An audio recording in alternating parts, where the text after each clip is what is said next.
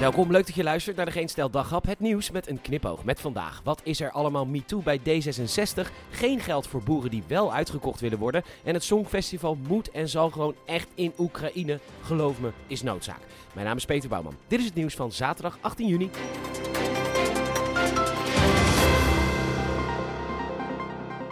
D66-bestuurder zijn is uiteindelijk best wel simpel. Je neemt andere mensen constant de maat, maar echt over alles. Dus niet alleen over wat strafbaar is, maar ook over wat wenselijk is.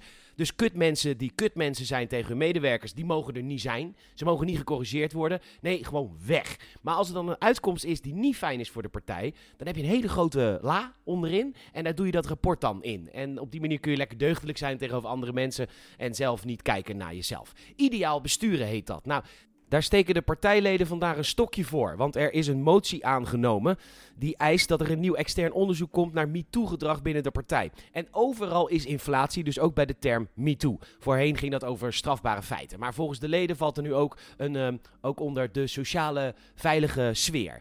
Oftewel, hoe iemand zich op welk moment ook voelt binnen de partij. En als dat even niet lekker gaat, dan kun je de vinger wijzen naar een leidinggevende. Niet omdat je gewoon even niet lekker in je vel zit. Of zelfs misschien een foutje hebt gemaakt ooit. Nee, nee, nee, dat kan niet bij de millennials van D66. Altijd de schuld van de leidinggevende. Dan heel erg wijzen, hè. De partijleiding is ondertussen bezorgd over deze stapeling van verschillende onderzoeken. Ja, nee, dat is precies wat D66 is. Een stapeling van vingerwijzen naar anderen op werkelijk alle denkbare onderwerpen. Maar de D66-partijleden zijn in ieder geval consequent. Er bestaan dus wel boeren die wel uitgekocht willen worden. Je kan het je nog best wel voorstellen ook als je geen troonopvolging hebt en het constante stigma van Nederland vernietiger hebt.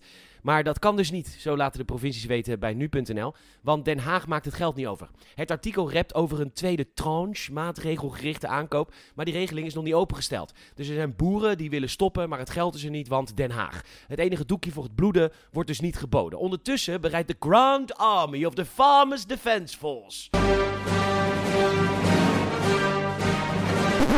nieuwe acties voor. Onder andere het verstoren van de voedselketen en het blokkeren van snelwegen. Oh jee, straks moeten we zelf weer dingen gaan verbouwen. Heerlijk, die vergeten groenten als schorseneren en pastinaak, wat overigens compleet terecht vergeten groenten zijn. Bijnamen van schorseneren zijn onder andere keukenmeidenverdriet en huisvrouwenleed. En dat is niet voor niks. Mensen die schorseneren bereiden, doen het vooral met ham en ei en spek en heel veel saus, om ervoor te zorgen dat je die potgrondwortels niet proeft. Het sap uit die dingen werd vroeger gebruikt als tegengift tegen adderbeten. Ja hoor, flinke maar op je bord. Lang vrouw lang, iets met stikstof. Het is me daar flauw. Uh, Oekraïne wint het Songfestival. Zij willen en mogen het dus organiseren volgend jaar. Maar de organisatie steekt daar zonder enig overleg een stokje voor. Het mag niet, want te gevaarlijk. En er zijn nu gesprekken met de nummer 2 Groot-Brittannië. Belachelijk natuurlijk. Oekraïne heeft gewonnen en wij eisen dat het Songfestival in Oekraïne gehouden wordt. Sterker nog, wij eisen dat het Songfestival in Donetsk gehouden wordt. Ja, daar is nu keiharde oorlog, maar we willen toch... Weet je, dat is ook een, een goed gebaar richting Poetin. Dat is gewoon van Oekraïne. Wij eisen dus dat daar waar de oorlog is, het Songfestival gehouden wordt. En, nog veel belangrijker, en ook een eis en bittere noodzaak, besturen Gordon. Bedankt voor het luisteren. Je zou ons enorm helpen als je een vriend of vriendin of familielid vertelt over deze podcast. Dat helpt ons enorm. Je kan ook een Apple Podcast review achterlaten en dat kan ook via Spotify. Vijf sterren alsjeblieft. Bedankt voor het luisteren. Tot morgen.